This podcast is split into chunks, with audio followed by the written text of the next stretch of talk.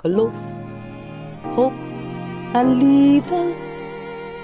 En de meeste van deze is de hoop. Waar geloof je in? Waar hoop je op? Waar hou je van? Mijn naam is Janneke Ruis. Ik ben predikant van de Protestantse Kerk in Nederland. Leuk dat je luistert. In mijn podcast hoor je wat mij en de mensen om me heen bezighoudt rond de thema's geloof, hoop en liefde. En liefde. En de meeste van deze is de hoop. Omdat de hoop altijd weer zijn weggetje wint.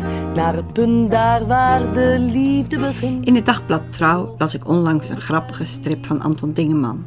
Met als onderwerp: Is uw godsbeeld nog wel goed?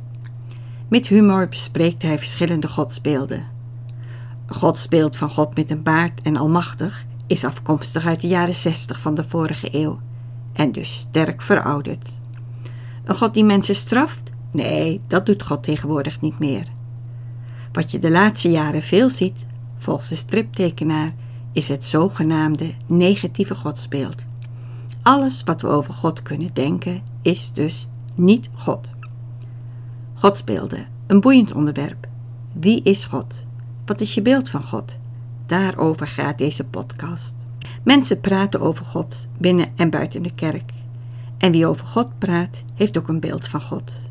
Door onze opvoeding, door verhalen uit de kinderbijbel, door wat we op school of in de kerk over God gehoord hebben. Ook mensen die zonder geloof zijn opgevoed, hebben een voorstelling van God. Als mensen horen dat ik predikante ben, vertellen ze me regelmatig waarom ze niet of niet meer in God geloven. Ze beginnen dan vaak over iets ergs dat er in hun leven is gebeurd, of ze verwijzen naar vreselijke gebeurtenissen die zich afspelen op onze aardbol. Het geweld, de oorlogen, de armoede, de pijn bewijzen voor hen dat God niet bestaat. Want dan had God toch kunnen voorkomen dat het zo'n onrechtvaardige chaos is in onze wereld, is hun redenatie. De Tsjechische theoloog Thomas Halik zei eens in een interview: Ik vraag vaak aan de niet-christenen: hoe ziet die God waar u niet in gelooft eruit?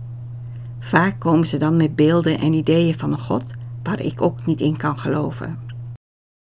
Mijn krant Trouw dus heeft een rubriek waarin ze in coronatijd bekende Nederlanders interviewen over een persoonlijke leefregel of inspirerende zin. In augustus werd operazangeres Francis van Broekhuizen geïnterviewd en zij vertelde: Ik blijf ook in deze tijd altijd weer hangen bij wat moeder Overste zegt in The Sound of Music. Als God ergens een deur dicht doet, zet hij ergens anders een raam open. Zij ziet God als degene die je opvangt en je naar iets nieuws leidt. Ook in gedichten komen beelden van God tegen. Gerard Reven heeft een gedicht geschreven over roeping, waarin hij blij is dat er een God is die tenminste de goede werken opmerkt die in stilte worden gedaan. Hij schetst het beeld van God die recht doet aan mensen die in onze snelle moderne wereld niet worden gezien of niet in aanzien zijn, maar in ieder geval wel door God worden gezien. Roeping door Gerard Reven. Zuster Immaculata, die al 34 jaar verlamde oude mensen wast, in bed verschoont en eten voert, zal nooit haar naam vermeld zien. Maar elke ongewassen aap die met een bord dat hij voor dit of tegen dat is, het verkeer verspert, ziet s'avonds reeds zijn smol op de tv. Toch goed dat er een God is. Over God spreken kunnen we alleen met onze eigen menselijke voorstellingen en vaak heeft ons spreken over God te maken met onze eigen ervaringen. In de jaren tachtig van de vorige eeuw, toen ik theologie studeerde, werd er veel over het benoemen van God gediscussieerd. De feministische theologie sprak mee in deze discussie en de redenatie was: als God mannelijk is, dan is de man God. Onlangs vlamde de discussie over godsbeelden weer op. In de herziene Nieuwe Bijbelvertaling, de Nieuwe Bijbelvertaling 21, wordt in tegenstelling tot de vertaling uit 2004 weer naar God verwezen met een hoofdletter. Hij, hem, zijn, met een hoofdletter dus.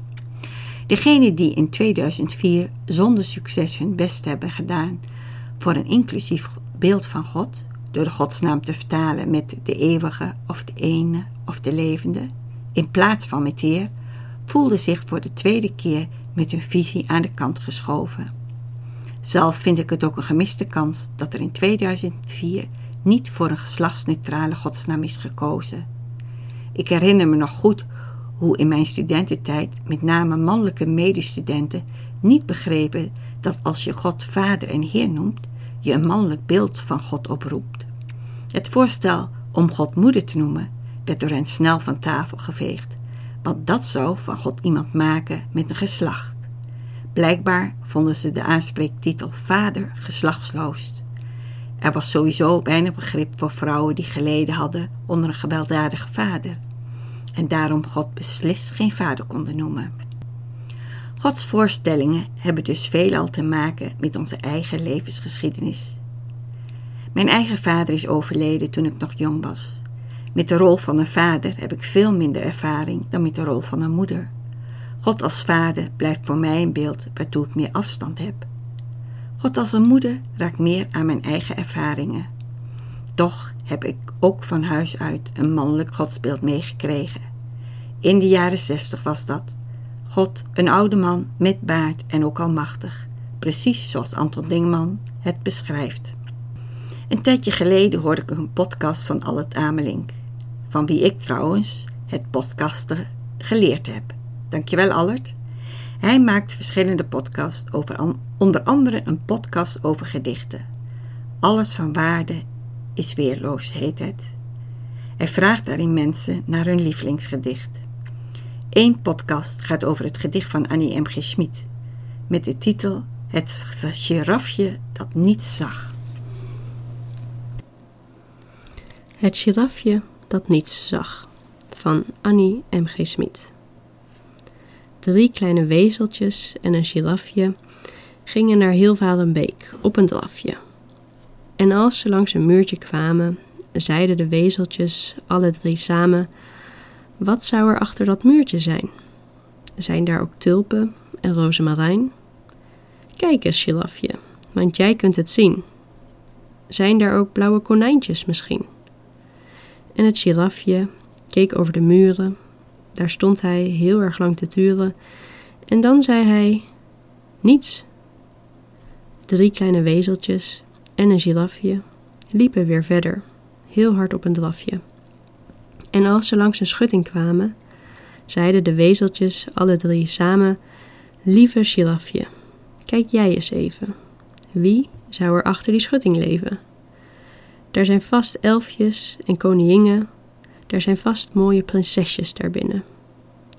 En het girafje, heel hoog op zijn benen, stond dan te turen en stond op zijn tenen en dan zei hij: Niets. Zo ging het telkens. En toen, na een poos, werden de wezeltjes vreselijk boos. En ze hebben, na eventjes praten, het arm girafje maar achtergelaten. Drie kleine wezeltjes, zonder girafje, gingen naar beek op een drafje. En als ze langs een muurtje kwamen, zeiden de wezeltjes alle drie samen: Achter dat muurtje is zoveel te zien: bloemen en prinsen en draken misschien. En ze geloven het vast en stellig. En daarom is het leven voor hen ook zo gezellig. Maar het girafje is achtergebleven. En dat staat nu heel zijn verdere leven treurig te zwijgen. En denkt bij zijn eigen: er was toch echt niets Degene die dit gedicht voorlas in de podcast herkende zich in de giraf die niets zag. Voor hem stond dat voor het nihilisme. Het leven is uiteindelijk zinloos en er is geen hogere waarheid. Girafje vertegenwoordigt de mensen die besef hebben van het niets. Ze worden niet begrepen en blijven eenzaam achter. De wezeltjes zouden de mensen zijn die die constructies verzinnen, omdat angstaanjagende besef van de rauwe werkelijkheid van het niets niet te hoeven te zien. Ze creëren een schijnwerkelijkheid die hen houvast biedt. Volgens deze redenatie zijn de gelovigen dus de bange, onwetende wezeltjes. Ik hoor dat vaker. Mensen die geloven zijn bang en dom. Zo'n visie daagt mij vanzelfsprekend uit. Ik vind dat wat simpel gedacht. Ook het gedicht van Schmid daagt me uit. Niet om te ontdekken wat de dichteres er precies mee bedoeld heeft, maar om zelf te ontdekken wat ik hoor in dit gedicht. Ook mijn aandacht wordt getrokken door het girafje. Hij zag niets. Wat betekent dat? Achter dat muurtje moet toch de lucht gewoon verder zijn gegaan? En er zal toch ook wel een bodem zijn geweest? Of bedoelt hij misschien dat hij niet ziet waarover de wezeltjes droomden? De tulpen, de blauwe konijntjes, de elfjes en de prinsesjes. Lijkt het girafje op iemand die een klaslokaal binnenkomt, waar de leerkracht staat te wachten en dan zegt: Ben ik de eerste? Is er nog niemand? Niet beseffend dat de docent ook iemand is en de eerste aanwezige was. Ik herken in het niets van het girafje het godsbeeld van de negatieve theologie. Alles wat we denken over God is God dus niet. God gaat ons voorstellingsvermogen te boven. God is niets in de betekenis dat wij God niet kunnen denken. God gaat voorbij onze reden. Misschien heeft het girafje wel meer nagedacht over God dan de wezeltjes. Ik herken dus in dat niets geen nihilisme of zinloosheid.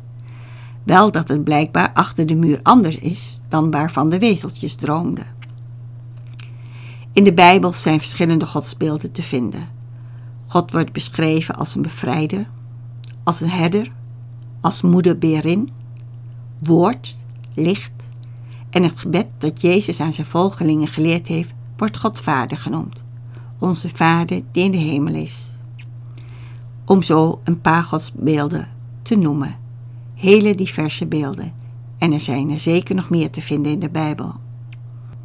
Wat ik in dit verband altijd een mooi verhaal vind, is het verhaal van de blinde en de olifant. Oorspronkelijk komt het uit het soefisme, een mystieke stroming binnen de islam. En het gaat zo. Er waren eens zes blinde mannen. Ze hadden gehoord dat er een olifant in de stad zou komen, maar hadden geen idee wat een olifant was. Dus ze besloten de olifant te gaan onderzoeken. De eerste blinde man liep op de olifant af, maar botste tegen de flank van de olifant. Geen twijfel mogelijk, riep hij. Een olifant is als een muur. De tweede liep ook op de olifant af en kreeg het zacht bewegende oor te pakken. Een olifant is als een grote waaier, was zijn conclusie. De derde blinde bevoelde een poot en een knie en zei: Een olifant, dat is als een boom. De vierde man kwam bij een van de slagtanden te staan, nam deze in zijn handen en zei, zo hard en puntig: Een olifant, dat is als een speer. De vijfde blinde bevoelde de slurf en leidde daaruit af dat een olifant als een bewegende slang was. De zesde, tenslotte, stond aan de achterkant van de olifant, kreeg een zwiep van de staart en zei: Een olifant, dat is als een touw. Al die zes mannen hadden ervaring met de olifant en dat vormde hun beeld van de olifant. Als we de olifant symbool zien voor God, dan zou je kunnen zeggen dat mensen allemaal een, een aspect van God ervaren. Maar wie God werkelijk is, gaat onze ervaring en ons verstand te boven. De strip van Anton Dingemans vind ik mooi, omdat het de spot drijft met mensen die anderen vertellen dat hun godsbeeld niet goed is. Hun godsbeeld zou bijvoorbeeld verouderd zijn. Maar laten we wel wezen, uiteindelijk blijft God een geheim voor ons allemaal. Niemand weet het. Ik heb zelf al lang geen duidelijk beeld meer van God. Is God een kracht? Een persoon? Of zoals ik laatst in een interview las, iets persoonsachtig? Ik weet het niet. Als de giraf in mijn binnenste zou kijken, op zoek naar een beeld van God, zou hij misschien ook wel zeggen: Ik zie niets. Maar dat betekent niet dat ik nihilistisch ben. Ik heb geen beeld van God. Maar wat ik wel weet, is dat God liefde is, barmhartig, goed, rechtvaardig. De verhalen uit de Bijbel vertellen over God en met name Jezus laat in zijn leven zien wie God is. Dus er is meer dan niets. Het is maar waar je naar kijkt en waarnaar je op zoek bent. Voor mij geen zoektocht naar tulpen, elfjes en prinsesjes, waar de wezeltjes van Annie M. G. Schmid naar verlangden, maar wel een zoektocht naar de betekenis van de verhalen uit de Bijbel anno 2020. Op grond van die verhalen geloof ik dat welk beeld we ook van God hebben, dit beeld altijd met liefde verband houdt. Beelden van God waardoor mensen verkrampen en angstig worden, dat lijkt niet op God, de zorgzame Vader, de liefdevolle Moeder, de Bevrijder, de Eeuwige, het Licht. Dat is wat ik geloof. Leuk dat je geluisterd hebt. Heeft deze podcast over godsbeelden je geïnspireerd? Deel het met anderen. En voor nu, fijne dag of fijne nacht. Hop op, geloof in de liefde. Hop op, geloof in de liefde. Hop op, geloof in de liefde. Hop op, geloof in de liefde. Hop op, geloof in de liefde.